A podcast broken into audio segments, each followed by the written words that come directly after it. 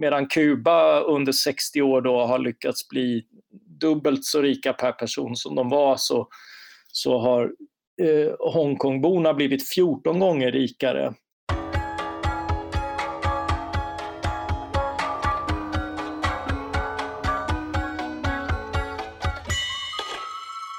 Hej och välkomna till Smedjan-podden. Jag heter Maria Eriksson och idag så blir det lite ninnanna, ninnanna ja, boktipset. I alla fall ni som är födda på 70-talet kommer väl ihåg det barnprogrammet. Och eh, med mig för att tipsa om böcker så har jag Mattias eh, Svensson som är en enormt produktiv skribent i bland annat Smedjan. Hur är läget Mattias? Boing. Dagens boktips Extreme Economies av Richard Davis har jag läst senast här. Eh, så läget är bra därför att det var en mycket bra bok som jag blev väldigt upplyft av. Ja, precis. Jag blev ju otroligt nyfiken för du säger att det här är bland det bästa du har läst så att då vill man ju absolut höra mer om det. Eller hur? Jag menar, det, det är en bra tid nu att, att läsa böcker. Jag känner nästan att jag skäms lite grann som tycker det är rätt skönt att inte träffa så mycket folk och ha, ha tid att äntligen läsa alla de här böckerna som man har tänkt. Jag vet inte, hur känner du själv? Ja, det är lite samma sak här, att det är inte det är inte jättestor skillnad mot min tillvaro normalt sett. Eh, skulle säga skrämmande lite egentligen. Eh, och det är ju det är en lyx i sammanhanget att inte behöva göra så stora förändringar i, i livet. Verkligen. Eh, det är många som får göra det i dessa extrema tider. Men vi kanske ska börja med att prata om de här extrema ekonomierna. Som Richard Davis, han är brittisk ekonom va? Eh, ja, det, det, tror jag i alla fall. Eh, jag tittar bak på, jo, brittisk ekonom och journalist, vilket märks. Ingen som man känner till sedan tidigare? Eh, han har ju skrivit i The Economist så sannolikheten är ju stor att man har läst honom men de kör ju inte så mycket profilering på sina skribenter. Nej precis, men så här, du, du sa ju så här att ska du bara läsa en bok om ekonomi, överhuvudtaget en bok om hur ett samhälle fungerar och inte så är det den här. Ja. Wow, det låter ju otroligt spännande. Eh, ja, eller inte för det låter kanske lite för basalt men, men han är väldigt bra på att väva ihop eh, saker man inte visste, ställen man inte har varit på med ganska grundläggande samband som, eh, som får liksom liv och, eh, och förklaring. Eh, han, han levande gör mycket av sånt som man lär sig ganska mycket på, på grundkurser i ekonomi men, eh, men det blir liksom på, på riktigt när han, när han visar till exempel, ja men Eh, i första kapitlet till exempel så åker han till Aceh eller vad det heter i Indonesien. Eh, Aceh-provinsen tror jag va? Ja, och det är, det är rätt kul för den här provinsen, eh, de här, det är en akronym för alla språk som pratas där. Arabiska, kinesiska och så vidare. Ah. och, och redan det antyder ju liksom att det här är en gammal handelsutpost som alltid har varit en fördelaktig del att ligga fram då till den här hemska julhelgen 2004 eh, när, eh, när tsunamin svepte in och svepte bort allting. Och ändå när han är tillbaka för några år sedan, då när han åker dit, så pratar folk som har mist eh, delar av sin familj, allt de ägde och hade, eh, kanske skadade, eh, att, att det har varit ganska bra, alltså att utvecklingen därefter har varit riktigt bra. Ehm, och eh, väldigt mycket av, av den berättelsen handlar om ekonomi, om att kunna bygga upp sitt samhälle igen, om att kunna fylla en funktion i det, öppna eh, sin gamla restaurang eller vad man, eh, vad man försörjde sig på. Ehm, eh, och, och att människor kunnat göra det men att man också har gjort det lite bättre. Eh, när man bygger upp infrastruktur till exempel så har man tack vare internationella hjälpinsatser eh, kunnat göra, vägarna är solidare, avloppet funkar och, och sådana där saker som, som gör tillvaron eh, lite bättre. Och, och till det, det som är eh, ekonomin är att man har, man har kunnat mötas på ett annat sätt. Det var ju tidigare en, eh, en upprorsprovins så så det fanns gerilla och det fanns eh, statstrupper och eh, framförallt unga män blev ju liksom tvångsrekryterade till det ena eller det andra om de stack näsan utanför dörren. Så de kunde egentligen inte ta sig till grannbyar och annat. Och, och i, i eh, den här tillvaron när man var tvungen att bygga upp samhället så, så lyckades man överkomma de här motsättningarna och likaså Eh, gamla holländska kolonialherrar som man tidigare drivit med eh, och, och sett ner på från, eh, från sin sida märkte man att ja, men de, de har ju verkligen hjälpt till nu. Så man fick också en anledning att omvärdera dem. Så det är en, eh, och, och, det här har ju gjort att eh, människor kan åka till grannstäder för att sälja, göra affärer, jobba, eh, mötas, att, att vardagen funkar bättre och mycket av den vardagen handlar om eh, ekonomi på, på ett antal sätt och visar liksom att en del i att bygga en värdig och viktig tillvaro och att låta samhällen komma tillbaka igen handlar om ekonomi. Men liksom det här att man lyckas överkomma eh, tidigare konflikter eller sådär, för att man hade då någon, en gemensam uppgift att, att bygga upp samhället, var det det som var, var grejen liksom? Ja, det, eh, det, är det ju. Att, att det, var, det var så pass förstört, det var så pass mycket att det, det fanns liksom strikt uttryckt inget att kriga om längre. Men det, för det låter ändå lite så som en vansklig eh, grej att dra en slutsats utifrån. Det är lite det här liksom, att krig kanske ändå är bra för att då, då kommer vi att förenas eh, här och eh, kunna göra någonting tillsammans och, och det är ändå vissa industrier som gynnas av det och så vidare. Är det inte lite i linje med det? Jo, alltså det, det, det där finns ju och eh, det var ju även, alltså efterkrigstiden var ju också i Europa en, en lycklig tid som vi nu tittar nostalgiskt tillbaka på, lite grann felaktigt men Eh, men, men det var ju onekligen eh, en kontrast. Eh, men, men jag ser det mer som att det är just människor har en förmåga att, att komma tillbaka och inte minst ekonomier har en förmåga att, att komma tillbaka och det märker man, det, det, har man konstaterat kring andra naturkatastrofer och annat sådär som att, att det är rätt,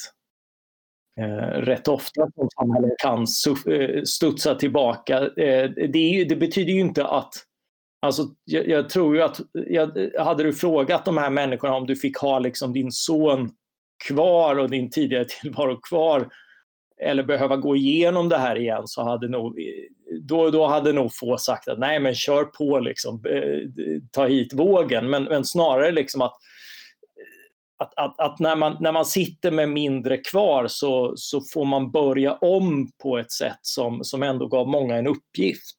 Så det jag ser det, det, det goda i en ond situation.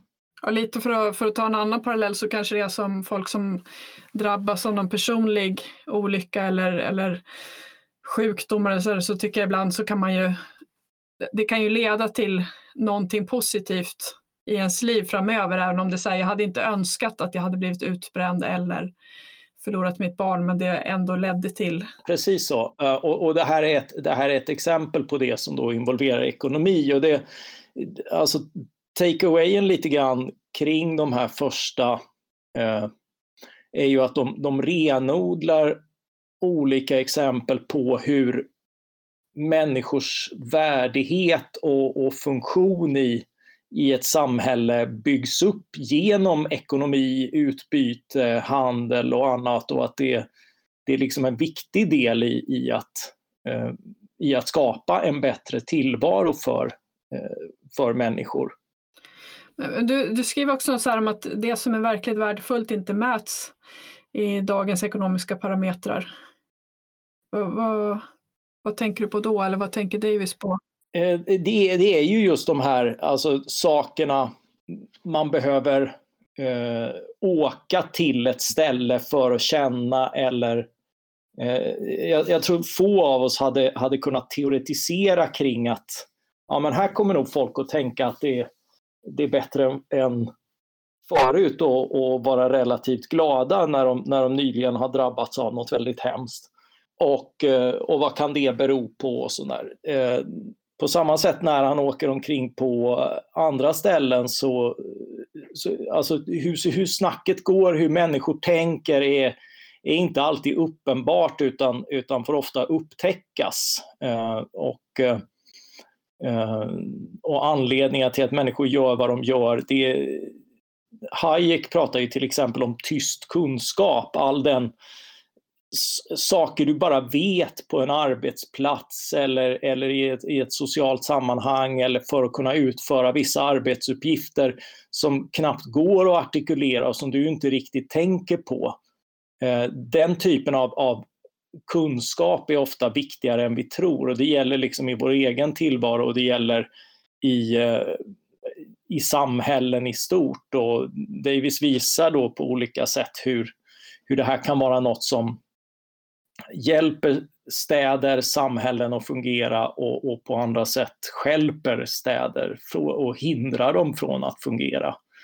Eh, och det är ofta mer än, än liksom vad, vad modellen skulle förutsäga. Ja, det låter som att det blir liksom också så svårare att applicera några väldigt renodlade ekonomiska teorier på verkligheten för att det är så, så många olika faktorer som spelar in i lokala förhållanden på olika ställen? Eh, ja och nej. Samtidigt så är det rätt eh, generella samband eh, och, man, kan, man kan ju se vad, vad det är som inte funkar. Ofta är det ju liksom precis som eh, med livet generellt att vi vet mycket väl vad det är som inte funkar men det är ändå svårt att låta bli det. Alltså, du, du vet varför du blir tjock men ändå äter du. Liksom. Det, Eh, det, är inte, det är inte för att, vi inte, eh, för att det är liksom okänt eh, utan för att det är svårt. Um, och ännu svårare är att ändra en mentalitet. Eh, I, i, bokens, i bokens första del så handlar det om ganska extrema situationer där, där marknadstransaktioner ändå uppstår och är väsentligen av, av godo även om de eh, uppstår i till exempel fängelser och, och sånt där, där, där fångar byter tjänster mot varandra och sånt där på ett rätt intrikat sätt. I, I andra delen handlar det om när det här inte kommer till stånd och inte fungerar och eh, då, då, då är ju tragedierna ofta, ofta just det att, att liksom det, det, det kommer inte en en marknad till stånd fast det borde. Mm. Men jag måste bara fråga en grej till om det här exempel för att det här liksom, att det händer en stor eh, kris, en naturkatastrof i det här fallet och sen så eh, lyckas man bygga upp samhället efteråt och att det liksom leder till en vad jag förstår ökad tillit jämfört med vad man hade innan. Och, mm. och, och, och, då tänker jag så här, liksom, vad, vad är det som gör att det blir så? För att det känns som att det skulle kunna bli tvärtom. Om jag tänker på hur det ser ut idag. Nu, nu befinner vi oss i, i någon form av extremt läge eh, idag i, i, Sverige och kanske ännu mer i andra länder eh, med den här situationen. Eh, och där så tycker jag att jag menar, alltså man kan ju se liksom båda, båda de här tendenserna. att eh, Delvis så ser jag så här fantastiskt fina insatser från civilsamhälle och människor som liksom verkligen ställer upp för andra och, eh, och, och, hjälper till och företag som ställer om sin produktion och för att bidra till sjukvården och så här massa grejer liksom där, där liksom helt spontant eh, uppstår eh, olika exempel på att, att människor ändå eh, ja, vill hjälpa varandra och på något sätt lite grann enas av det här krisläget. Men man ser också så massa konflikter och och liksom brist på tillit och, och. Ja, ja alltså det, det, det, är inte på något sätt en given utkomst och det är bara, det är bara skruva lite på katastrofen eller någonting annat. Alltså säg att eh, det är ju inte alltid hjälpinsatser blir lyckade. Eh, det, det, hade kunnat bli en misslyckad hjälpinsats och, då hade man tyckt att var, varför skulle alla utlänningar komma hit för? Uh, och då, eh, och, eller så, så, hade, så hade det liksom eh, någon del byggts upp och, och, så hade det uppstått avundsjuka mot en annan del och så hade konflikterna förvärrats. Eller ta eh, terrordåd till exempel, när, när vi fick ett terrordåd här på Drottninggatan så var det liksom en enorm sammanhållning först och, och människor gjorde fantastiska saker för, för varandra och generositet och sådär. Men sen började ju liksom misstänksamheten mot utlänningar och man började trumma upp, liksom, eh, försöka hitta syndabockar och eh, driva ut övervakning och, och, allt sånt där. Liksom, och, och eh, försöka göra politisk konflikt av det. Så det, det, det, det är inte alls säkert att, att det måste bli så, men eh, men, men vad extremerna kan visa är att det är inte på något sätt givet att, att liksom det måste bli värre för att något hemskt har hänt. Mm. Uh, och sen på andra sidan, andra sidan av det myntet är ju att det behöver inte bli bättre för att, uh, för att du har väldigt goda förutsättningar utan det kan gå väldigt dåligt ändå. Men, liksom, men, men ger den några mer så här, vad ska jag säga, inte, inte liksom rekommendationer kanske, men liksom, kan, kan man ändå använda den som att lära sig någonting av hur man ska agera i ett visst läge? Till exempel idag då. Ja, ja, ja men alltså att, att behålla tillit, öppenhet, eh, att, att tänka på det sättet eh, är, ju, är ju liksom på något sätt alltid svaret. Där människor, där, där handel och uppgörelser inte kan komma till stånd för att människor inte litar på varandra är, är liksom alltid ett dåligt tillstånd.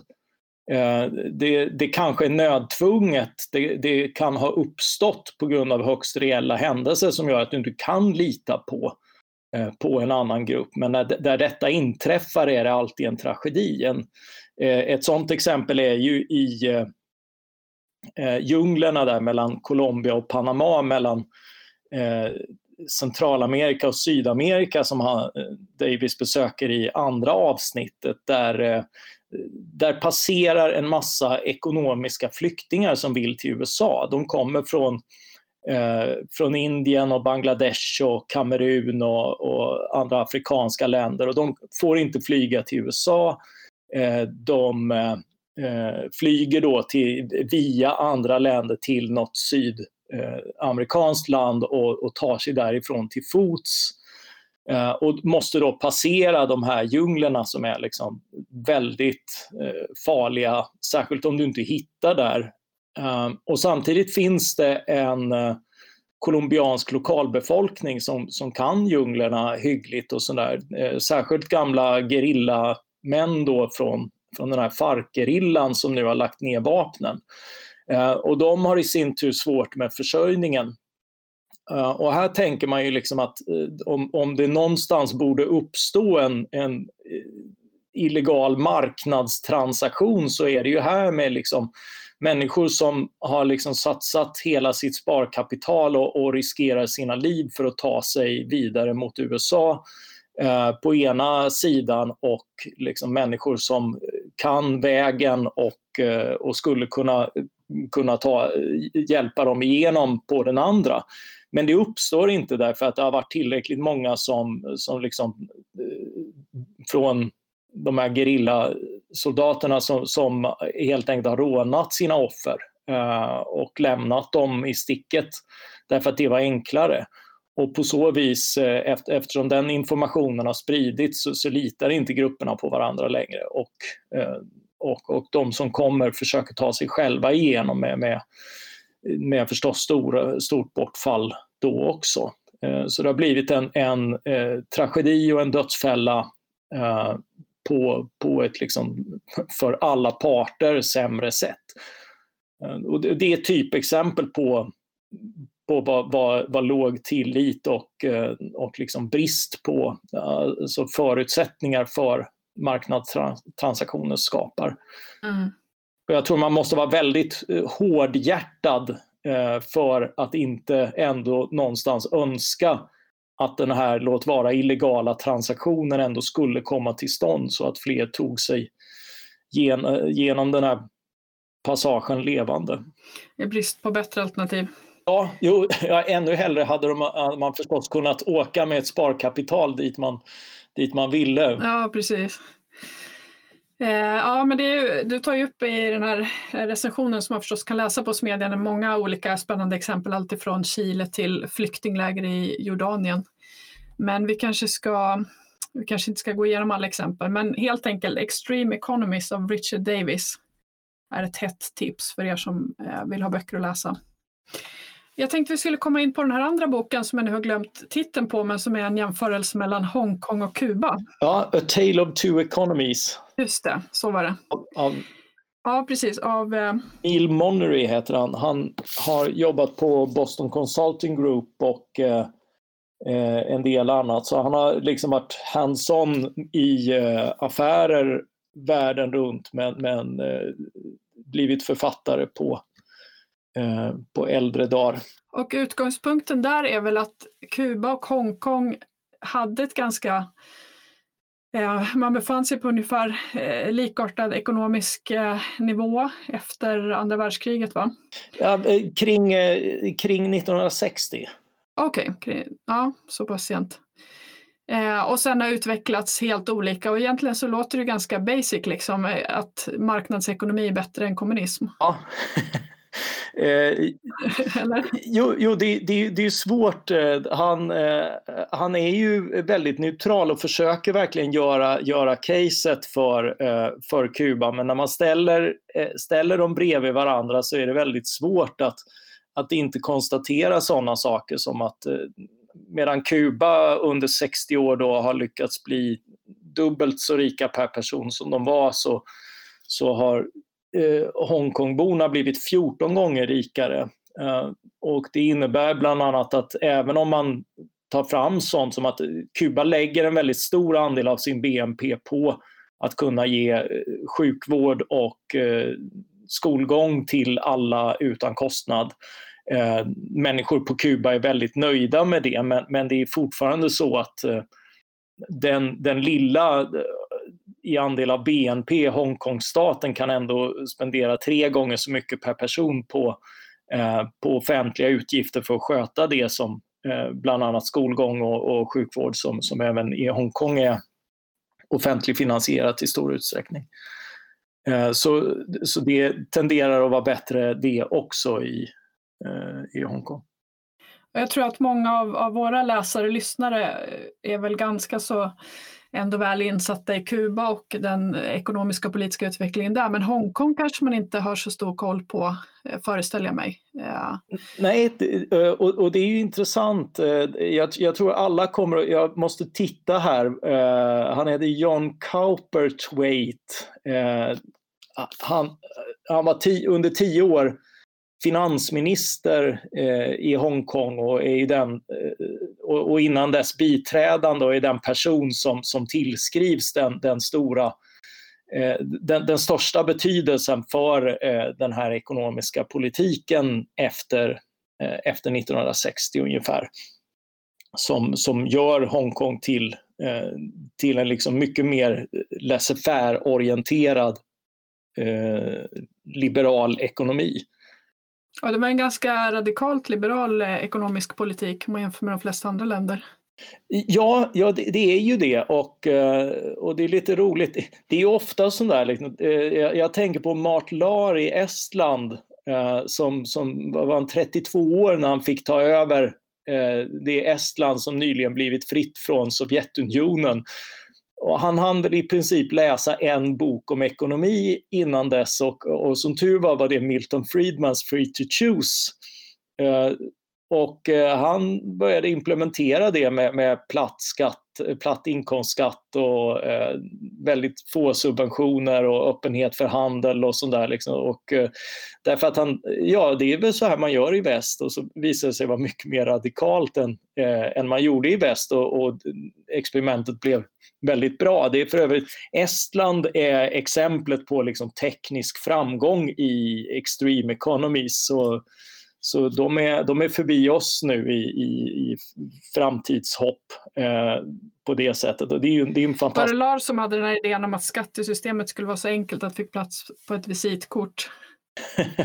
eh, jag vet inte vem som ja, men det var någon, det kan... någon estnisk politiker. Ja, jo, det, det, kan definitivt ha varit han. Eh, jag, jag, tror inte att han är osmickrad över att tillskrivas det i alla fall. Eh, och på samma sätt den här Cowperthwaite, han var klassiskt skolad, hade läst litteratur och annat, eh, men eh, under andra världskriget så eh, drillades han ett år i ekonomi för att kunna ta en administrativ roll inom koloni sen när, när kriget var över. Ehm, och detta, detta blev då Hongkong. Så, han, så han var liksom en, en, en byråkrat som också lärde sig ekonomi eh, snabbt och eh, det, var, det var i hans fall då eh, i, i, Skottland, han är uppvuxen i Edinburgh och eh, där eh, levde den, den, klassiska nationalekonomin kvar. Så, så, det var mycket Adam Smith och, och tillit till eh, marknadsfunktioner. Eh, och, och det, det blev Eh, ett recept han följde under, under implementeringen, även om det också eh, man får ju säga, det var, det var också nödtvunget av situationen. Jag menar, efter, efter kriget så hade ju Hongkong ingenting. Det var ju helt förött av, av japansk plundring. De hade tagit allt som fanns. Och, eh, och det fanns ju, britterna var ju utfattiga, det fanns ingen att låna av. Så de, och, och liksom inte försörjande på ens egna naturtillgångar eller sådär utan, utan väldigt basala saker som mat och annat behöver man importera och då blir lite grann defaultläget att ekonomin måste gå ihop och, eh, och du måste handla med precis alla som vill handla med dig och, eh, eh, och göra det mesta av de resurser som finns. Så, så även en, både utifrån textboken och utifrån Eh, verkligheten så, så gav sig den här politiken lite grann. Och det handlar ju ganska mycket vad jag förstår om att inte liksom försöka eh, styra så mycket då vilka, vilka branscher som man vill, eller som man ofta så har eh, politiska mål att nu ska vi främja textilbranschen eller vad det kan vara. Så där. Men, men jag tycker det är fascinerande här också att han, han vill ju inte ens mäta BNP och sådana här ekonomiska mått. Liksom. Det, är, verkligen att ge fingret åt alla makroekonomer. Ja, ja han var oerhört, han, han menade liksom att hela den här efterkrigstida ekonomiska vetenskapen som dyker upp och som ständigt har råd om hur man ska investera och sådär, han, han tyckte att det var bullshit alltihop, pseudovetenskaper. Så han ville inte ens ta fram någon nationalstatistik de kunde använda för det där och anledningen var att han hade fått eh, väldigt tydliga eh, råd, eh, till exempel att, att eh, nu, nu, måste, nu måste ni gripa in mot eh, textilsektorn så att inte den växer sig för stor, hade någon affärsman sagt. Liksom, att nu, nu, nu måste staten gripa in här så att vi inte blir helt beroende av, av textilier och efter det så, så hade textilexporten vuxit tio gånger om vilket var en läxa han, eh, han tog med sig, en erfarenhet han tog med sig. Och, eh, och likaså på, eh, det var, det var många som pekade ut att ja men den här eh, branschen ska vi satsa på, den här och så. Och han tyckte att inte själva definitionen av vilken bransch som är bra, den som klarar sig och växer under vanliga marknadsvillkor. Mm. Men om man liksom för, jag menar, du tog upp där att alltså, det finns ju ibland en kritik, kanske från vänster, att liksom liberaler fokuserar för mycket på tillväxt och så här, men om vi ska vara lite självkritiska, är det inte så ibland att vi pratar lite för mycket om ekonomisk tillväxt snarare än liksom vad är det som är eh, som, som skapar den liksom, och de, de grundförutsättningarna. Och kanske skulle prata mer om ekonomisk frihet snarare än ekonomisk tillväxt till exempel. Ja, så är det absolut. Eh, att, att de här eh, institutionerna är väldigt mycket av självändamål. Eh, och också liksom det viktigaste. Cowpertweight visar ju både och. Liksom. Dels att, att det finns något moraliskt riktigt i eh, och, och värdefullt i, i eh, frivilliga ömsesidiga utbyten och, och, att människor som fattar besluten också är de som tar risken och får belöningarna. Eh, det, det, det finns ju både eh, moral och, och mening i ett, i ett sådant ekonomiskt system som söker sig fram, som inte lämnar åt en liten elit att, att bestämma och styra och driva igenom sin, eh, Eh, sin vision på andras bekostnad ehm, vad, vad, som har hänt i Hongkong är ju helt enkelt att alla har varit delaktiga i det här byggandet av eh, av en väldigt rik ekonomi och, och även eh, ja, just när man jämför med Kuba där när den, och också den fattigaste tiondelen i Hongkong är betydligt rikare hur man än mäter än, än den rikaste tiondelen i Kuba. Så, så, och, och dessutom två miljoner människor har flyttat till Hongkong och två miljoner människor har flyttat från Kuba och hade de fått så hade betydligt fler flyttat. Eh, förmodligen till Hongkong och, och definitivt från Kuba under nuvarande styre. Eh, och det, det blir så, eh, så talande om och om igen var, var människor finner en, en värdigare tillvaro där de bättre kan komma till sin rätt. Ehm, och, och det tenderar att vara i, i fria samhällen. Och, och, och det Hongkong visar med det här exemplet är också att det finns något un, underskattat och väldigt attraktivt i, eh, i, i en väldigt långtgående marknadsmodell eh, som, som ganska få har, eh, har hållit sig till. För den här modellen är ju, apropå det vi var inne på tidigare, den här nostalgin som finns kring eh, Eh, efterkrigstiden i Europa med blandekonomin och, och, och, ett uppsving för en, en socialdemokrati. Bland, bland intellektuella, inte minst anglosaxiska intellektuella, är det närmast lag på att man ska vara liksom efterkrigssocialdemokrat i någon form. Eh, för det var liksom verkligen eh, det, det, det, förlorade paradiset. Eh, och då kan vi ändå konstatera att, att eh, en, en frimarknadsekonomi som Hongkong kör i kapp och förbi den här modellen väldigt, eh, väldigt effektivt med, med liksom större större ekonomisk tillväxt och eh, lägre arbetslöshet och, och, och möjligheter att, att, göra bra saker för, för sin befolkning. Så in, inte ens det bästa exemplet eh, på, på liksom den här blandekonomin står sig riktigt bra mot ett, ett eh, mer renodlat marknadsexempel. Det är svårt tycker jag återigen att inte liksom dra paralleller till, till dagens läge nu. Eh, vi får se liksom eh, när vi är på väg, eller om man ens kan prata om att vara på väg ut ur den här krisen, men alltså det pratas ju redan nu om, om ja, dels liksom tillfälliga stödpaket men sen hur man på sikt då ska kunna liksom stötta upp ekonomin från, från politiskt håll och det känns ju som att liksom, det, det är knappast den här vägen som eh, man kommer att gå. Eh, men jag tänker liksom att det kanske ibland finns ett så här lite kortsiktigt perspektiv, att det är lättare att se så här, ja, nu måste vi rädda företag här på eh, två års sikt liksom, istället för att se att om du tittar på tio års sikt eller lite längre fram så, så kanske det vore bättre att inte göra så mycket.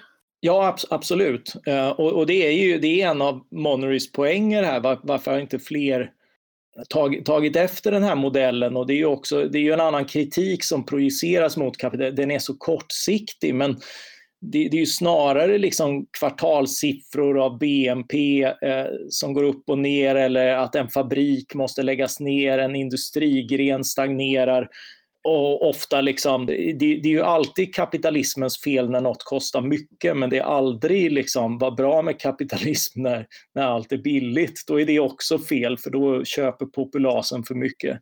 Eh, man eh, ser ofta inte den här historien som blir nästan löjligt självklar när man drar ut den över 60 år. Att, att liksom, hur producerar man vanligt, alltså påtagligt hög ekonomisk tillväxt eh, i, i betydelsen, inte måttet, utan, utan i betydelsen skapar välstånd och möjligheter för människor att, eh, att, att förverkliga sig inom olika sektorer.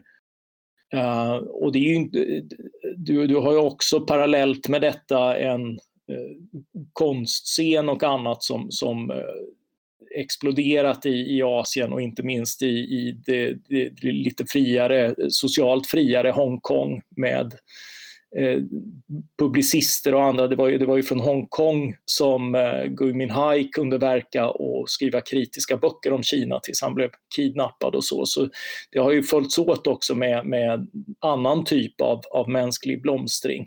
Eh, och det är ju sånt som kommer på på den långa sikten och som går förlorade i den här liksom, keynesianska, nu måste staten styra och kontrollera eh, hysterin som lätt uppstår kring kriser.